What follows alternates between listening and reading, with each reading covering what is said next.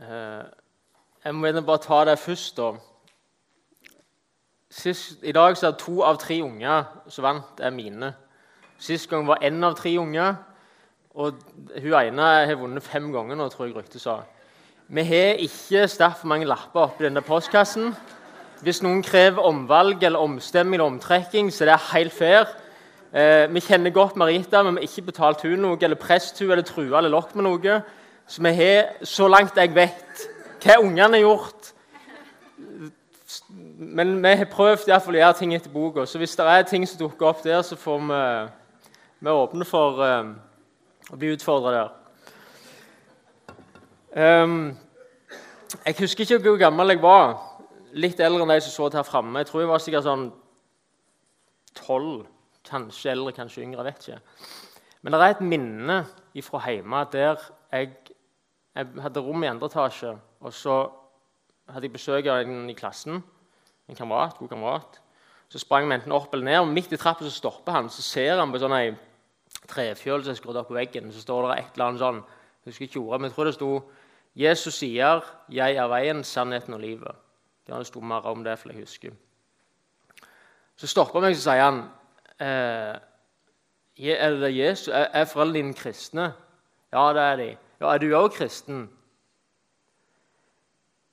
Ja, jeg er vel det, svarte jeg.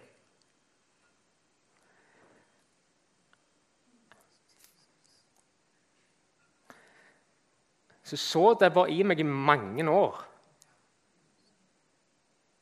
Jeg skamte meg over Jesus.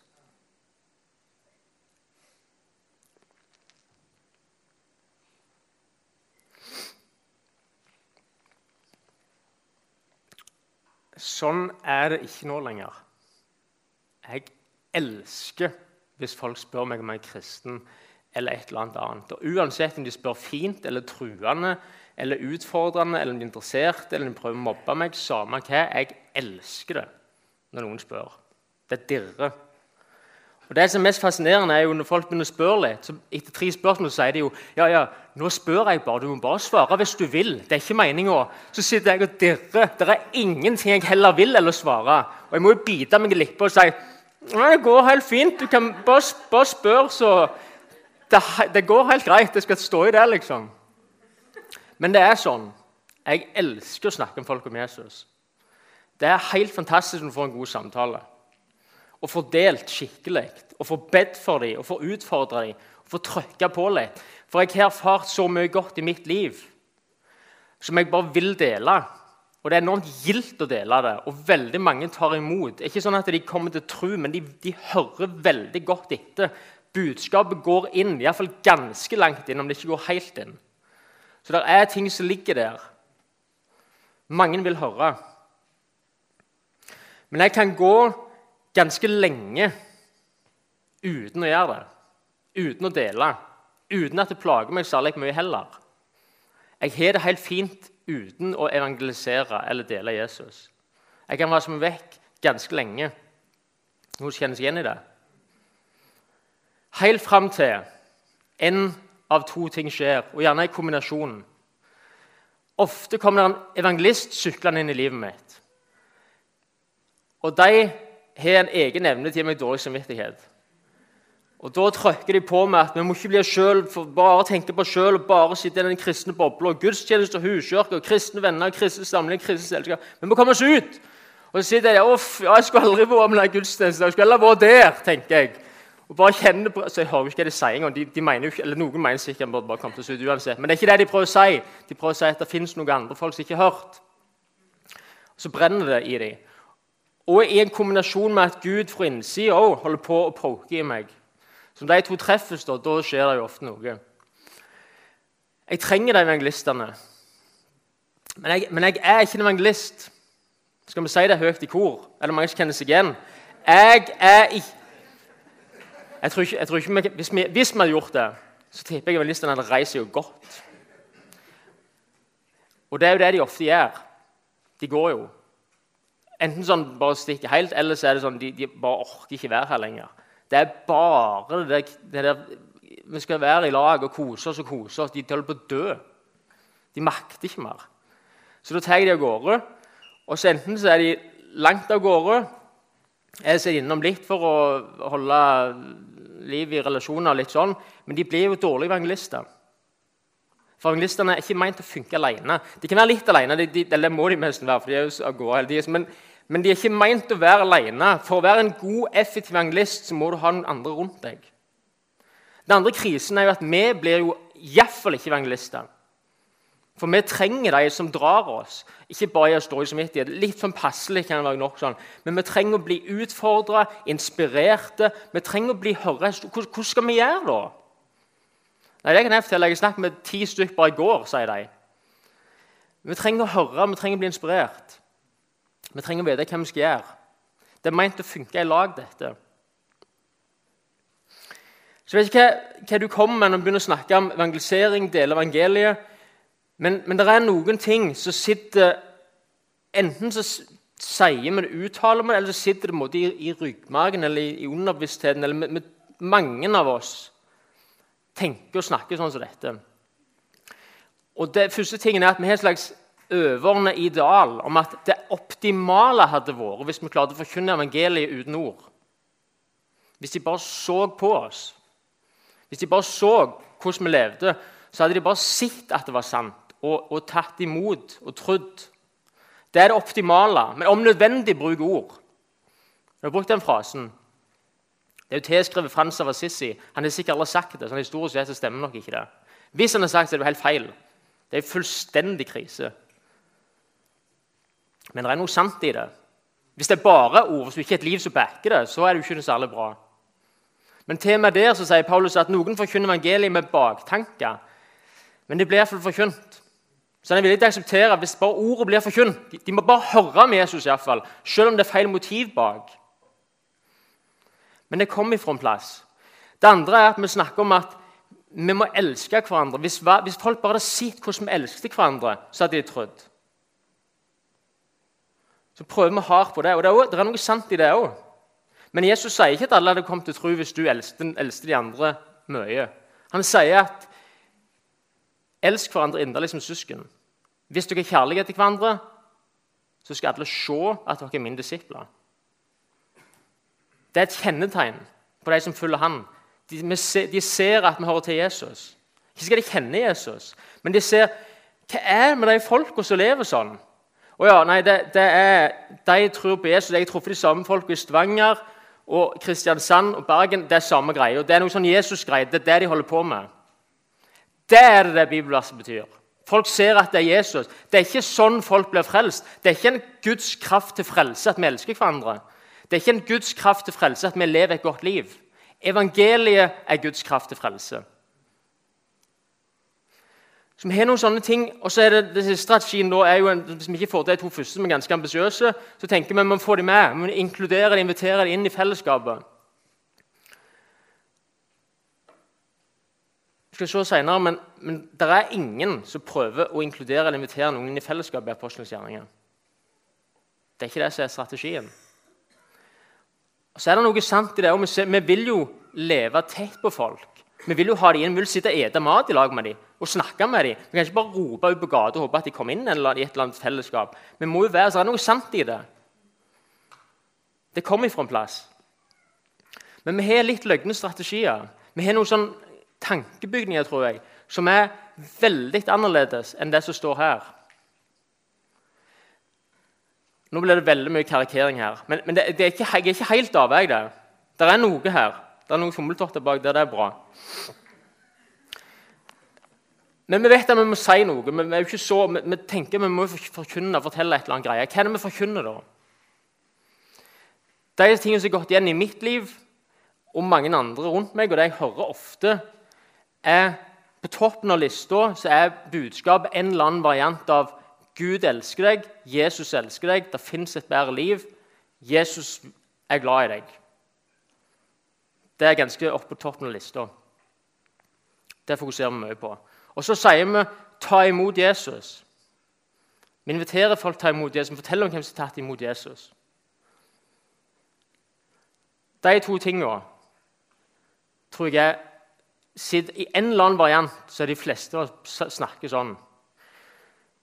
Så jeg hadde fått sjokk sjøl og dratt med meg flere i fallet, i sjokket, og begynt å lese Apostelens gjerninger, Nytestamentet, Bibelen, så er oppdagelsen dette.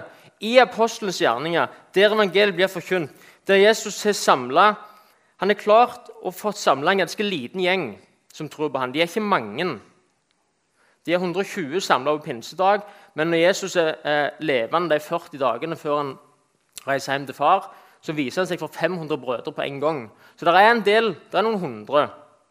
Men det er ikke mange. Du kunne sikkert samla de her inne i bygget i hvert fall, som tror. Og Så går evangeliet ut. Fra begynnelsen av apostelens gjerninger så går evangeliet ut. Og så er oppdagelsen min dette. Ingen ganger sier noen noen gang Jesus elsker deg. Aldri. Det er ikke sånn at de fokuserer litt mindre på det nå. Det er bare fullstendig fraværende. Det er ikke budskapet. De forteller ikke at Gud elsker dem, de forteller ikke at Jesus elsker dem. Og ingen ganger sier noen 'ta imot Jesus'. Det er ingen ganger det står om tusenvis av som kommer til tro. Det står aldri at de tok imot Jesus. Ok, Så er vi på det der definisjonen av ordet nå? Eller liksom, må vi si alt etter boka? Skal, liksom, skal, vi snakke sånn som dette her? Skal vi sitere bibelvers til folk? Det, er det det? Nei, nei. Men hva er budskapet vårt?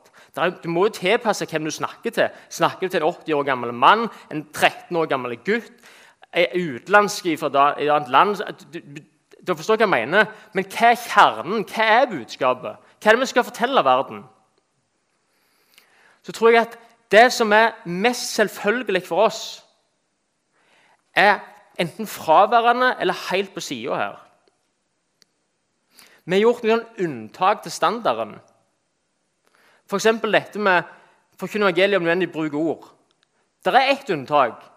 Det er én kategori mennesker som kan bli vunnet på den måten, ifølge Bibelen. Det er vantru menn som har truende kone de kan bli vunnet ved hustruenes livsførsel uten ord, sier 1. Peter. Ett unntak. Så hvis det ikke er det du går for, så er egentlig ikke det relevant. Men vi har tatt det som er minst vanlig eller helt fraværende og gjort til en selvfølge. Og Dette er jo gått gradvis. Men når vi snakker om å ta imot Jesus Jeg spør folk ofte ja, men hva mener du da? Nei, det er å tro på Jesus. Ok, bare det? Ja Eller du må jo tro på han, følge han, ta en bestemmelse. Og så begynner for all slags definisjoner. så er det som, men, til slutt er det sånn, det er så mange like mange definisjoner til folk du spør. Du må bli døypt, eller de er døypt, eller de må bli døypt. Den hellige ånd. Eller det er en omvendelse, det er en, det er en bekjennelse, det er en overgivelse. det er en, Så vikler vi oss inn i et eller annet, så er det sånn, budskapet blir komplisert. Så Når jeg prøver å si noe om hva ord vi bruker, så er det ikke for å gjøre det mer komplisert. Målet er å gjøre det mindre komplisert. Men det blir komplisert hvis ingen av de ordene vi bruker, finner vi her. Og når vi leter her, så finner vi fullt av ting vi ikke bruker. Da blir det vanskelig å ha et kart å manøvrere etter. Så det er sikkert litt sånn forskjellige ting som dukker opp når vi begynner å røske sånn gode, kjære uttrykk som vi kjenner oss igjen i. Men det er ikke poenget mitt. Poenget er hva er budskapet i apostlenes gjerninger? Når vi leser hva gjør de faktisk, hva skjer faktisk, det skal vi se på. Og så har dette som bakteppe. Jesus, Vi tenker ofte at det starter med at Jesus sender ut disiplene i begynnelsen. og så, så, går de til verden og forkynner evangeliet. Men det skjer noe før det. For Jesus sier til dem før han dør, på slutten av Johannes-evangeliet, så sier Jesus til disiplene Når talsmannen kommer, han som jeg skal sende der fra Faderen, sannhetens ånd som utgår fra Faderen, da skal han vitne om meg. Du er ikke den første som går ut. Ingen av oss er de første som går ut. ikke disiplene heller. Det er noen som er sendt ut for å vitne om Jesus før oss og Den hellige ånd. Så når vi går ut, så er vi på etterskudd. Eller ikke på etterskudd, Vi kommer diltende etter. Det har skjedd noe før du kom. Før du kom på jobb mandag, så er noen vært der før deg. Eller iallfall se etter det. Se om Gud har vært der. Og Den hellige ånd, men også dere skal vitne. Det er litt løye, da. Men også, vi tror at det er oss. Det Er sånn, ja, og, og dere også skal vitne. Men han starter med å si noen andre vitner først. Og så sier han Når han kommer, skal han overbevise verden om synd, om rettferdighet og om dom. Tre ting. Om synd fordi de ikke tror på meg. Om rettferdighet fordi jeg går til Faderen, og dere ser meg ikke lenger. Om dom fordi denne verdens første er dømt. Så sender Jesus Den hellige ånd. Så virker han i disiplene. Så sender han disiplene ut. Så ser folk at det smeller på pinsedag. Så står Paulus fram frimodig i lag med de elleve og forkynner. Og hva sier han? Dere har drept han som Gud sendte. Han som var utsendt for Gud, har dere korsfesta. Rett i strupen på deres synd. Akkurat som forfedrene deres var lydige mot profetene, har dere nå stått imot. Og så sier han eh, For David for ikke opp til himmelen, men sier, 'Herren sa til min herre, sett deg ved min høyre hånd, til jeg får lagt dine fiender til skammel for dine føtter.' Så de ser tilbake vet at i, i gamle kommer det en dom, et oppgjør, når fienden er lagt for hans føtter. Så skal da hele Israels folk vite for visst at Gud har gjort ham til både til Herre og til Messias, denne Jesus som dere korsfestet. Men da de hørte dette, stakk det dem i hjertet. Og de sa til Peter og de andre apostlene, 'Hva skal vi gjøre, brødre?' Når vi forkynner, når vi deler evangeliet, når vi snakker om Jesus, så tenker vi ofte at jeg har noen i hodet mitt som jeg skal prøve å få inn i hodet til noen andre. Som er relevant. Det er relevant. Men det skjer noe viktigere. Det er at det indre mennesket trenger å bli stukket, trenger å bli gjennombåret av Guds ord. Det kan ikke vi gjøre. Det er vanskelig nok å snakke til fornuften, men det er umulig for oss å trenge gjennom. Vi kan ikke gjøre det. Det er ikke bare vanskelig, men det er ikke noe som er i vår rekkevidde i det hele tatt. Men det er Den hellige ånd gjør. Den hellige ånd overbeviser i det indre mennesket om synd. Men grunnen til at de snakker sånn som dette, er fordi at de forkynner, men også dere skal vitne. Så de vitner i samme leia. De snakker, de påpeker synd. Så er det sånn, nå ble vi litt stresset med en gang, så er det sånn, Skal vi tilbake til så er det noen dårlige minner fra lenger tilbake, når noen har tatt det der litt feil vei? Og så er det sånn, Skal vi gå ut og kjefte på verden? Er det mange som kjører den strategien? Vi, vi sier jo det, vi må ikke slå folk i hodet med Bibelen. Er, er, det mange som, som, pleier å ha den strategien på jobb? Mandagsmorgen pleier du å kjøre liksom sånn, litt, litt aggressivt framoverlent. 'Du må bli frelst!' Har du ikke lest det? Det står jo i Matteus. Er, vi der? Ser dere mange rundt dere som holder på sånn? Er vel ikke den en grøft, da? Folk, det, det, er ikke det inntrykket folk har av kristne i dag. I dag. Trenger ikke være så livredde for det. Det går helt fint å slå folk i hodet med Bibelen litt. De, de, de er nesten klar for det. Men, men, det er ikke her vi er. Og så er det selvfølgelig hvordan du ordlegger dette. her. Dette er jo ikke sånn, Du kan jo ikke stå og lese opp dette her til folk. Men, men, men, når du snakker med folk, så er det sånn i samtale, ja, men Jeg er jo ikke perfekt, jeg heller. Nei, klart du er ikke det. Ingen er jo perfekte. Hva er ikke perfekt med meg, da? Ikke være naboen. Nei, nei, sikkert ikke være naboen. Jeg er jo god nabo. Men, men hva har du gjort? Nei, jeg er jo Og så plutselig kommer det ting. Jeg, jeg blir så fort sint. Jeg er sint på ungen, sint på kona. Jeg har gjort dette. Jeg, jeg, folk vet jo, Hvis jeg er litt unna skala, så vet jo folk at det er noe ting her.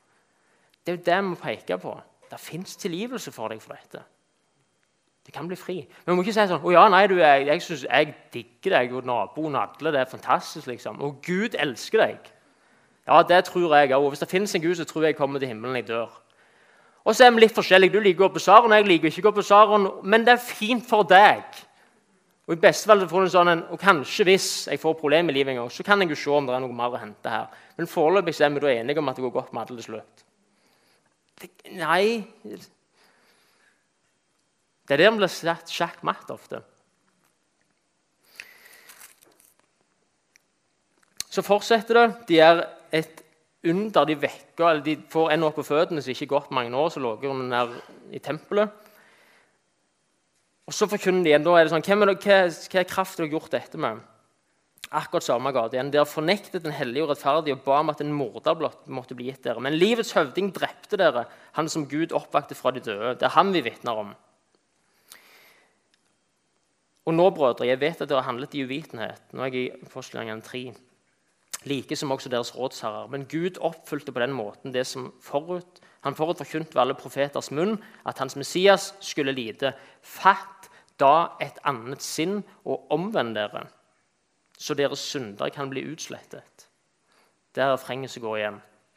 Omvend dere, så dere kan få syndene utsletta. Syndenes forlatelse. Og Der står det to ord for omvendelse. Det står 'omvend dere og fatt et annet sinn'. Så omvendelsen er både innvendig, tenk annerledes, gjør annerledes. Snu livet. Bli, bli, tenk noe annet, gjør noe annet. Snu deg rundt mot Jesus. For at du kan få syndene utsletta. Han som himmelen skal huse inntil de tider da alt blir gjenopprettet. Så igjen synd, rettferdighet Gud oppreiste ham for de døde. Og han kommer snart tilbake. De tre tingene er det de forkynner igjen og igjen og igjen, på mange forskjellige ord. Og etter, etter står, På den første talen så står det, han har fortalt om løftet, og, og svaret når de blir stukket i hjertet, er jo Omvend dere og la dere alle døpe på Jesu Kristi navn til syndenes forlatelse. Så skal dere få Den hellige ånds gave. Samme dere òg. Også med mange andre ord vitnet han og formante dem og sa Hør på dette. La dere frelse fra denne vrange slekt. Det er en sånn en det, det, er ikke sikkert det funker. Den igjen. Du forstår hva jeg mener. Men den inderligheten La deg frelse. La deg bli redda. La deg bli dratt ut av mørkets makt og inn i Hans elskede sønns rike. Si det med dine ord, men, men det er budskapet de forkynner.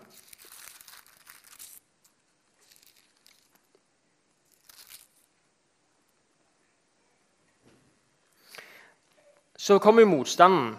Så de får motstand, de blir fengsla, de blir trua til ikke å fortelle mer. Eh, og det er mange ting som virker imot dem. Så samles de seg i apostelgjengene 4 på slutten av kapittelet, og så ber de. Og Det de ber om, det er også interessant. De ber ikke om vekkelse. Det kan godt være vi skal be om det, men det ser ikke ut som at vi skal sitte og vente på vekkelse.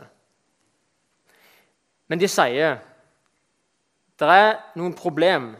De konspirerer, de jobber mot din elskede sønn. Pontus Pilatus, Herodes, kongene på jorda. De prøver å jobbe imot deg, Jesus. Det er bønnen deres. Du kan lese det sjøl. Følg med på dem. Hvis vi skulle bedt i dag, så har vi sagt vi ser jo hva vei dette går. Det er mye som er galt i samfunnet. Jesus, du ser alle problemer. Vi er bekymra for dette og dette og dette. og dette. Følg med på det. Følg med på det problemet her. Og gi dine tjenere å tale ditt ord med all frimodighet. Idet du rekker din hånd ut, så helbredelse og tegn og under skjer ved din hellige tjener Jesu navn. Det er det de ber om. Det er fullt av problem, Følg med på dem og gi oss frimodighet, så vi kan dele evangeliet med all frimodighet. I det du beviser, det vi forkynner, med under og tegn og det som følger med. Og Da de hadde bedt, skalv stedet der de var samlet. Og De ble alle fulgt med Den hellige ånd, og de talte Guds ord med frimodighet.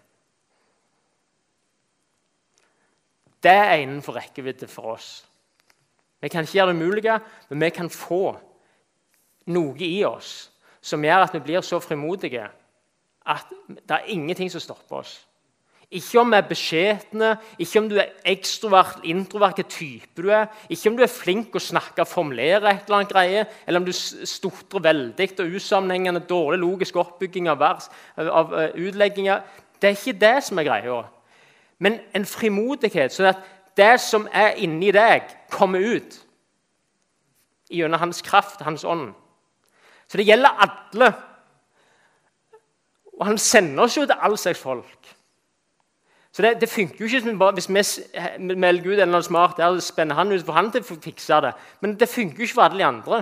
Det er jo så mange forskjellige folk som hører det på så mange forskjellige måter. Det er så mange forskjellige liv. Det er et oppdrag for alle oss. Vi er alle evangelister.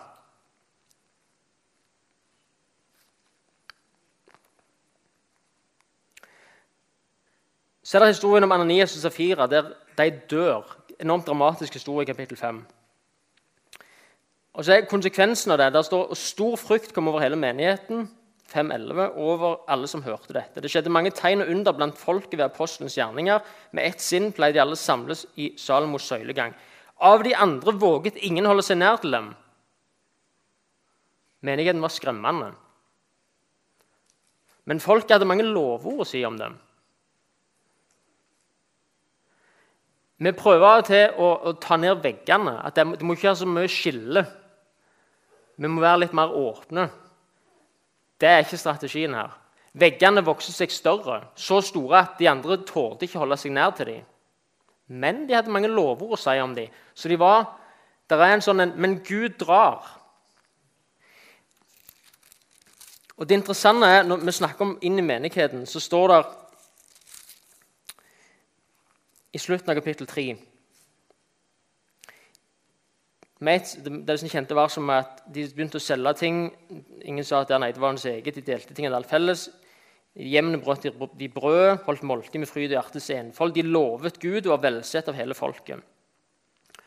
Og Herren la hver dag dem som lot seg frelse, til menigheten. Det går ikke an å inkludere noen i fellesskapet. Det går ikke an å invitere noen inn. De kan jo være her, de kan høre, de kan, de kan invitere dem inn på mange måter, men, men, de kan ikke egentlig bli inkludert. For det er, ikke, det er ikke et medlemskap du skriver under på. Den eneste måten du kan bli en del av et fellesskap på, er at Herren legger deg til menigheten. Du blir født inn i menigheten. Du blir født inn i en familie. På samme måte blir du født inn i menigheten. Og det er, og det er umulig selv om vi hadde vilt, så hadde vi ikke klart det. går ikke an for oss å gjøre det. Det er utenfor rekkevidde. Men Gud kan føde et menneske på ny. Og da setter de inn i menigheten, legger de til menigheten. Så alle vanskelige tingene må han gjøre. Det er ikke vi som gjør det.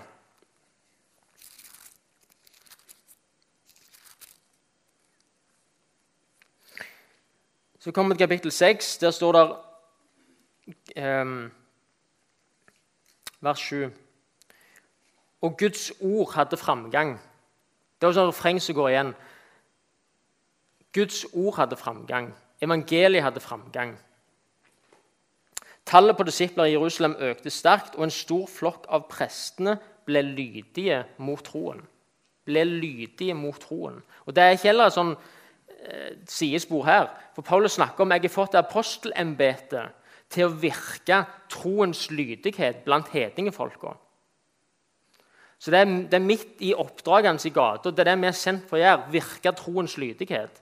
Igjen en formulering som ikke sikkert funker, men det det betyr, er at vi, sier, vi, vi, vi er ikke sånn som er ute og selger ting og tenker at folk har det fint, vi har et bedre tilbud, Jesus har et bedre liv, alt kan bli bedre. Vi prøver liksom å reklamere og få folk til å kjøpe et eller annet. Det er ikke det det handler om. Vi, vi har noe som kan stikke dem i hjertet drive dem til omvendelse og gjøre at de blir lydige mot trua. De er fanga i noe, og vi kan sette dem fri. Og Det er den beskjeden Paulus får når han møter Jesus på vei til Damaskus. Møter Jesus får et, et, lys over seg, blir blinde i tre dager.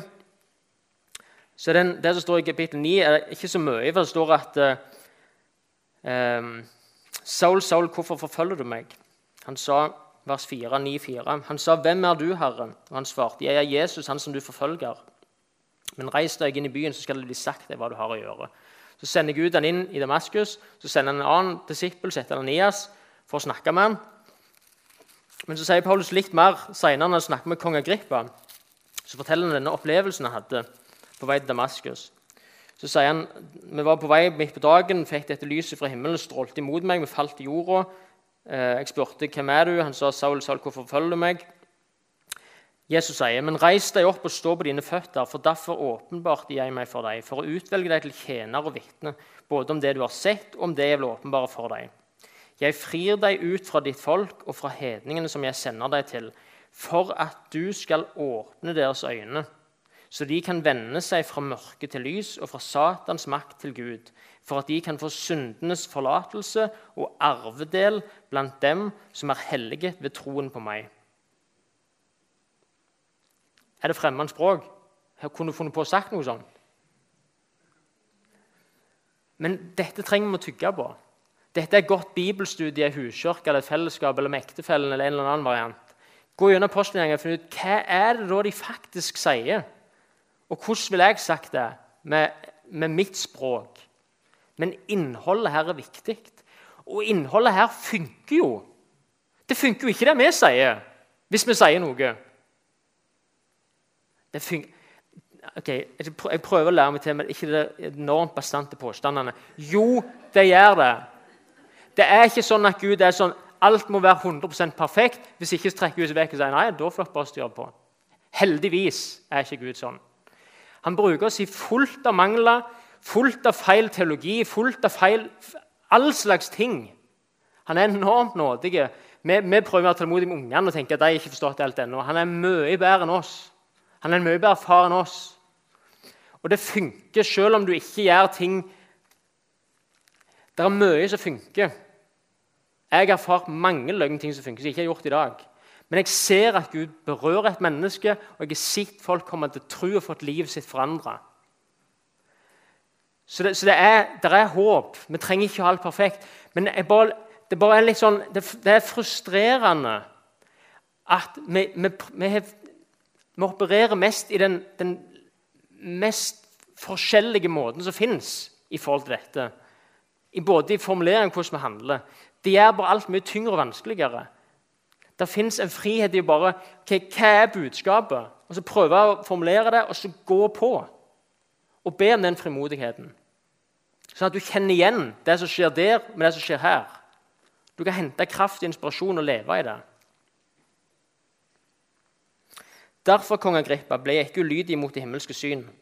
Men både for det, for det er jo litt sånn, er dette bare sånn jødegreier? Nå har vi mest vært til jødene. Det er jo til jødene, De hadde gamle som de forsto alt det og litt et eller annet sånn. Men Paulus sier derfor både for dem i Damaskus først og Jerusalem og hele Judea land og for hedningene det alle andre, forkynte jeg at de skulle fatte et annet sinn og omvende seg til Gud og gjøre gjerninger som omvendelsen verdige. Tre ord for omvendelse. Fatt et annet sinn omvende seg og gjøre gjerninger som er omvendelsen verdige. Det er det han konkluderer med etter Jesus har sendt ham for å åpne øynene på folk, for å fri folk ut fra Satans makt og inn i Guds kraft.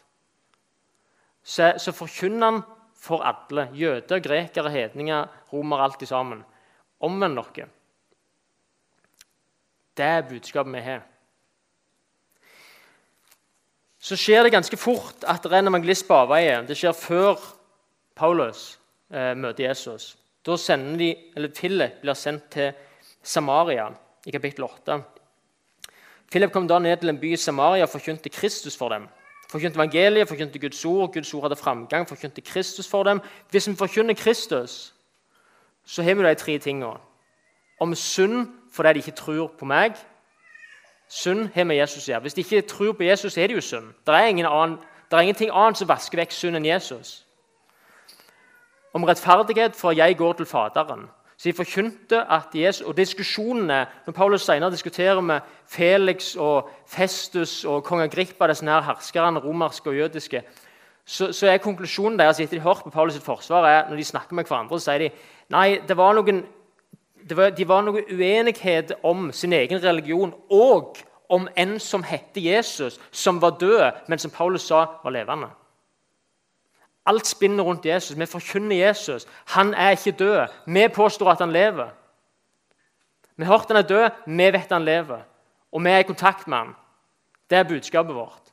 For han var rettferdig. Døden kunne ikke holde han fast. Han slapp ut av dødens makt og reiste hjem til far. Og han kom igjen. Så synd fordi de ikke tror på meg, om rettferdighet for jeg går til Faderen. Jesus er bevist rettferdig ved at Gud reiste ham for å dø. Døden kunne ikke holde ham fast.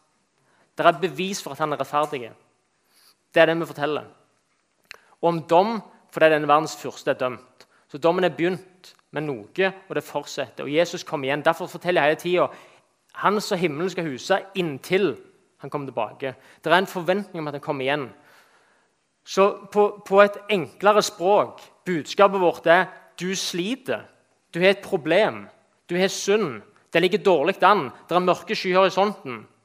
Dette går ikke så godt. Dårlige nyheter. Jesus er rettferdig. Han ligger ikke dårlig an. Han takla døden og synd. Han har gjort alt, han klarer alt, han får til alt. Han er rettferdig. Han er håpet vårt. Og en dag kommer han igjen for å fikse det permanent. Ikke det vaklende som nå blir litt bedre, så blir det verre, så holder på sånn hele tida. Men det en gang skal det bli bedre, men da må du være klar. For dommen gjelder alle. Og Hvis du da ikke har Jesus, så sliter du igjen. Det er en måte som jeg snakker på. Hvordan ville du sagt det? Vær alltid beredt. Vi tenker jo av og til det, det funker ikke bare å overbevise folk, sier vi. Så er vi blitt veldig redde for det. Etter Paulus møtte Jesus, så kom han til krefter etter å ha blitt tre dager. Straks forkynte han Jesus i synagogen. Eh, så er han der en stund, så står det Paulus fikk, Saulus heter han da, fikk stadig større kraft, og han brakte jødene i Damaskus til taushet ved å bevise at Jesus er Messias. Og Sånn holdt de på. Det er en som heter Apollos. Jeg vet jeg tok et sidespor når jeg kommer tilbake til det. Men det er en som heter Apollos, som er en eh, veltalende mann. Han er sterk i skriftene. For med kraft gjendrev han jødene offentlig idet han viste av Skriften at Jesus er Messias. Så jo, det hjelper å overbevise folk. Og For mange er det det de trenger. Men det, ikke, det, viktigste er jo at det må være noe som stikker folk i hjertet. Men folk har jo ting i hodet sitt som ikke er sant, og som holder dem vekke fra Jesus. Så ja, det hjelper å overbevise folk. Argumentere og forklare, vitne og fortell alt du har sett, alle bevis du har, alt du kan hoste på bordet. For vær alltid beredt til å forsvare deg til enhver som krever regnskap for det håp som bor i dere. sier Peter. Så jo, det hjelper. Men det viktigste er at det trenger gjennom. Det kan ikke vi gjøre uansett. Men vi kan vitne og fortelle i de samme tingene om synd, synd, rettferdighet og dom, sånn at det trenger inn i hjertet. Men evangelisten Philip kommer til Samaria. Der forkynner han Kristus for dem. Mange blir over seg av undring. De ser at eh, de, de tar imot budskapet, de kommer til tro. Vi har fortsatt aldri observert noen som tar imot Jesus, men de tar, imot, de tar ved trua, de blir lydige mot trua, de lar seg døype, de omvender seg. Også en mann som heter Simon, tidligere trollmann, tar ved troen. Og da han var blitt døpt, holdt han seg stadig til Philip.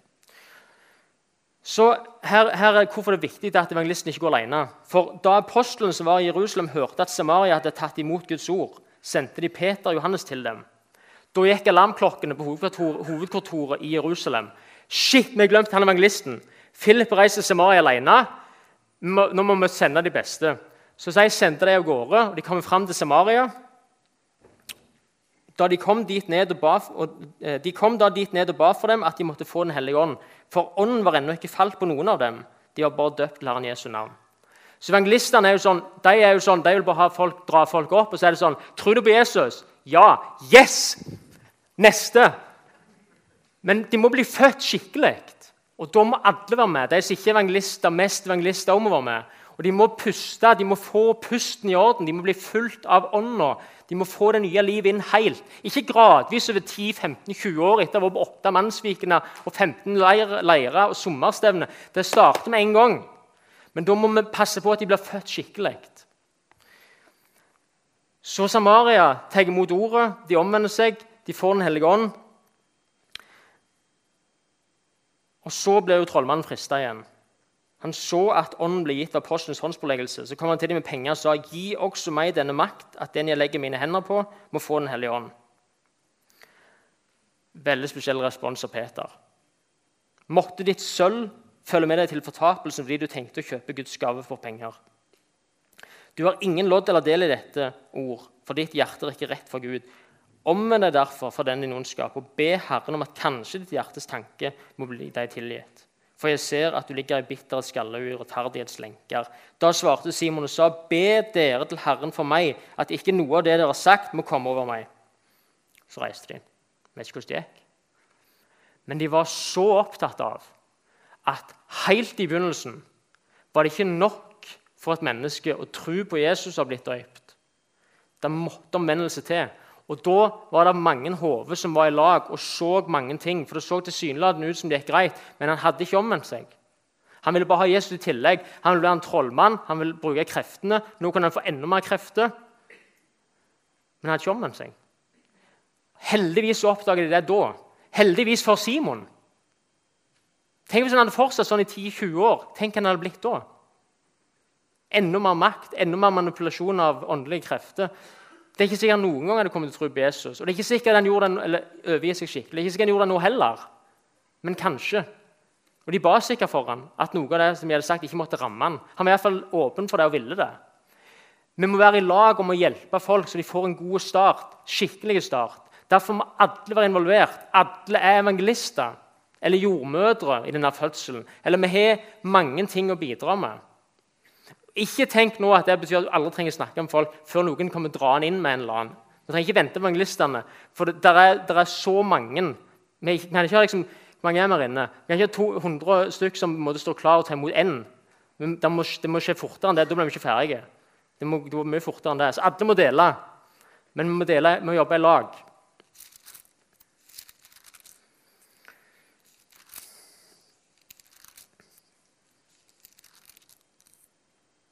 Så igjen er det, er det, sånn, er det mest for jødene. Når vi sitter i Samaria, så reiser Paulus og Barnabas ut. De kommer til Lykaonia, Lustra og Darbe. Der gjør de også et under en som har vært lam fra fødselen av. De får gang i han, han begynner å gå igjen. Når folket ser dette, her, så blir de jo helt i ekstase. Da konkluderer vi at Paulus og Barnabas er Sefs og Hermes, de greske gudene, som har blitt menneske, tatt menneskeskikkelse. Så de begynner å ofre til dem og tilbe dem. Og Da får jo helt panikk. Så, de, de tar jo kjortelen, river sånn klærne og roper liksom Vi er vanlige folk som. Er dere spinngalne? Så sier de Og vi forkynner evangeliet at dere skal vende dere bort fra disse falske guder til den levende Gud. Han som gjorde himmelen og jorden og havet og alt som er i dem. I tidligere slekters tid har han latt alle hedningfolkene vandre sine egne veier. Så Gud har båret over med uvitenhetens tidsalder. Gud har sett imellom fingrene på at folk har tilbedt all slags guder. Men nå befaler han alle mennesker alle plasser å vende om. Så det er mange som kommer til tro, og mange ting skjer. Det er mye godt og mye vondt, som det pleier å være. Så kommer vi til Tessaloniki. Det kan være en, annen omvending, en annen innvending, som kanskje kverner i bakhodet, er ja, men dette er en annen tid. Dette er vår kultur. Norge 2023 det er ikke sånn. Det er noe helt annet. liksom. Antikken Nå har Paulus kommet til Aten i, i, kapittel 17. Antikken var veldig lik sånn som det er nå. Vi snakker om et samfunn som ligner. De snakker et annet språk, ja. Mye skilsmisse et mangfold av religioner. Hver gang Romerriket ekspanderte, så fant de guden i det riket og satt inn i hva heter pantiumet, der de satt alle gudene til alle folka. Så det var et, Du kunne tro på hva du vil. Toleranse, åpenhet og mangfold. Kjønnsforvirring jeg vet ikke om det er å være det, men det er iallfall enormt med homofili. Homofili var helt vanlig, helt akseptabelt. Så veldig mange, Hvis du gransker mer på dette, så er det, det er mye som ligner. Veldig mange ting er veldig likt. Så det er ikke sånn at dette Nei, men de, de, de, de hørte og tok imot. Men folk i dag, det, det, er så enormt vanskelig å komme gjennom for det. Nei da, det er ikke det. Det er akkurat samme. Menneskehjertet er akkurat likt. Det er bare varianter på toppen. Og Uansett så kan Guds ord trenge gjennom. Så Paulus kommer til eh, Aten, og det står om folka i Aten. Alle atenerne og de fremmede som oppholdt seg der, ga seg ikke tid til annet enn å fortelle eller høre nytt. Høres det kjent ut? Du kom på jobb mandag. Hørte du, Har du lest? Har du hørt? Nå, nå har de funnet ut at Nå mener noen og så har du hørt. Det er jo det som pågår hele tida. Høre, fortelle nytt, høre, fortelle nytt. Det er jo akkurat like oss. Og Så går han rundt oss i, i byen, så ser Paulus kommer han i, i ordskifte med noen epikureiske og stoiske filosofer. Ikke skal du finne deg her i dag. Min oppdagelse etter hvert jeg har fulgt Jesus, var at jeg var en stoiker. Jeg vet ikke det heter, det, men det var det jeg praktiserte da jeg var mindre. Som var å ta, stoisk ro, har vi hørt om. Å ta alt med stoisk ro. Jeg, jeg ville, ville, være sånn, jeg, Ingenting gikk innpå meg. Jeg tålte alt. Jeg var tøff. Jeg grein aldri. Alt gikk greit. Jeg ble ikke lei, jeg ble sint, jeg ble sint, men jeg bare skjulte det. Jeg klarte alt. Jeg var en stoiker. Det var sånn de var. Det er de samme strømningene som går gjennom hele historien. Epikurerende var nytelse. De var sånn Ikke ta alt med stoisk ro. Bare hengi deg til alt som du syns er gildt. Høres det kjent ut? Det er akkurat likt.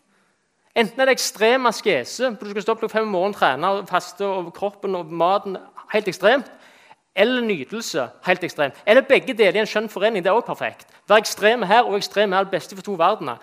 Det er akkurat samme verden her som vår. Akkurat likt. Og Paulus forkynner. Og så går han rundt så ser han i byen så ser han at de har alter rundt forbi. Så ser han at det er en ukjent gud til et alter for. Så begynner han der så sier han Han guden som dere tilber uten å kjenne, han er det jeg forteller dere om. Og Så begynner han så sier han at eh, favorittverset til Anne Louise i 'Han vi lever, rører oss av til' forteller liksom hvordan verdenshistorien hvordan det starta, inkluderer et sitat fra deres egne diktere og sier, som også noen av deres egne diktere har sagt For vi er også hans slekt. For øvrig noen stoiske diktere påstår de, som har sagt dette. Så han ser hvor folk er. Han finner bruer inn i deres liv. Og Så sier han igjen han har fastsatt en dag da han skal dømme verden med rettferdighet. Dette skal skje ved den mannen som han har utvalgt til det, etter at han har gitt fullgodt bevis for alle ved å ham for de døde. Da de hørte om dødes oppstandelse, spottet noen. Andre sa vi vil høre deg tale om dette igjen. Paulus gikk så fra det. Men det var noen som sluttet seg til ham og kom til tro. Så er det nok med noen få. Da er det etablert. Da sprer det seg til hele byen. Til slutt er det fullt av folk som tror. Men igjen Gud båret over med uvitenhetens tider, befaler han og alle mennesker at de skal omvende seg. Vi går ikke med et tilbud. Vi trygler folk, overbeviser. La dere frelse for denne vrange slekt. De må bli redda ut. Jeg tror ikke vi kommer lenger. Men vi må få opp et bilde. I går på denne tida, eller litt tidligere, var jeg der. Jeg er han helt til høyre. Så sitter, Du ser litt av skallen min der. Eh, Hevdakjeller. Fire, tre kyr, en kalv datt nedi. Eh, først blir jeg irritert fordi jeg ble vekk klokka åtte om morgenen. Jeg kunne sove lenger. Eh, så henter jeg meg inn, kommer fram. Eh, og så er det en del ting Jeg så ikke dette med en gang, men når vi har fått de opp, så plutselig snakket jeg ut til meg. Så var jeg rundt hele talen inni der. Eh, jeg fikk ikke alt dette i går, altså. men, men det, det, ble på en måte, det ble billedlig for meg da. Men det første, mest åpenbare som skjer, er at de kyrne som er nedi der, de er fulle av drit, og de kommer til å dø. Det, det er iallfall helt sikkert. Det går, dette går ikke godt. De er fulle av drit, og de kommer til å dø. Det er det vi har budskapet. Du er full av synd, og du kommer til å gå fortapt. Det er ikke for å liksom, slå folk og plage men det er saken, det, sånn er situasjonen. Og De gode nyhetene blir jo ikke gode før det er et problem. Hvis jeg sier at eh, noen har betalt eh, boda du har fått, så er det jo litt sånn Hvorfor en bod? Det var en vilt fremmed som kom og betalte boda di. Jeg har ikke noen bod, så jeg vet om, tror ikke det. Men hvis du har en bod, og du har hørt og sett, og noen har forklart deg at du er både konsekvensen av dette, og så noen kommer med gode nyheter, så blir det jo godt. Så etter hvert så er det jo, Kyrne er jo litt annerledes nå, for de, går an å ta med makt. De går an å dra opp. De kan tvangskristnes. Det funker ikke så godt med oss. Men det er litt sånn, for den, vi tok først den ene, så tok den andre av gårde og gikk ganske langt bort den veien. Så flytta vi stien, så gikk han ned og bare klakket litt sånn. Så snudde hun fillen. Så kom hun tilbake. Hun ville bli redda. Så hun ville opp men det har jo ingen sjanse for å komme seg opp. Igjen så må vi være flere. Noen må nedi, noen må holde, noen må unna der. Det må være et lag som drar folk opp. Og når de kommer opp, så må de spyles, regne, alt driten. Bonden sto med slangen og spylte de reine. Alt driten må av. Så de må de må tro at de, vi vil de godt. Eller er ikke alle dyr som det. Men vi, folk må tro det. De må opp av driten. De må bli vaska rene. I dåpen blir alt synd og vaska vekk. Og så er den siste tingen Når vi har fått de opp, så setter bonden de i sjukegarden ved føre. Og da Alle overlevde. Men det er ikke sikkert de gjør det, for de dør ofte av kjemisk lungebetennelse. Dere i helsevesenet Er kjemisk lungebetennelse at du har fått væske i lungene, og at du da får en slags Er, er det inne på et eller annet? Kan noen Cirka sånn. Så de, de, de var, var, et eller annet på gang, men det kan være dør for det om. Derfor må det en, en veterinær til for å sjekke så de ikke får kjemisk lungebetennelse. De må få pusten i orden. De må få Den hellige ånd. Men så er det, det er ei hage her, for alt det høres ganske spennende og kjekt. Men det er ei hage. Det er at veldig fort når jeg ser meldingen på radioen, så, er det, så begynner det å demre. Jeg kommer til å full av drit. Så jeg må være villig til å stå opp klokka åtte om morgenen og jeg må være villig til å komme i kontakt med drit. Ingen av de to tingene frister veldig mye. Men da er det ned her. Altså, da jeg kom hjem, så var det jo drit på det øret, det øret, pannen her. Fingrene tror jeg greier nå, men det lukter jo lenge. Men sånn er det. Så det, det eneste Gud spør om egentlig Vi mangler jo enormt mye. Vi mangler kunnskap og visdom og innsikt. Vi mangler fullt av ting. Men det vi kan gjøre noe med, er å si 'jeg vil'. Stå opp hva tid som helst. Gjør hva som helst. Si ting som jeg er flau redd for å si. Snakke om folk jeg ikke tør å snakke med. Jeg er villig. Her er jeg. Og jeg, jeg, trenger mye for å få det til. Så det er det vi skal be om i dag. Hvis du er der, jeg vil, og jeg mangler fullt av ting, så går vi til Jesus og sier vi, OK, gi meg, da. Følg med på alle problemene, men gi meg Den hellige ånd, så jeg kan tale ditt ord med all frimodighet. Alt det vanskelige kan han gi deg og gjør. Men han vil ha noen som vil, som er lydige. Vil du? Jesus, virk med de ånd som du har sagt du skal gjøre. Du har sendt ånda til oss for å drive oss ut du har sendt oss til å gjøre ting du vil at vi skal handle, Jesus.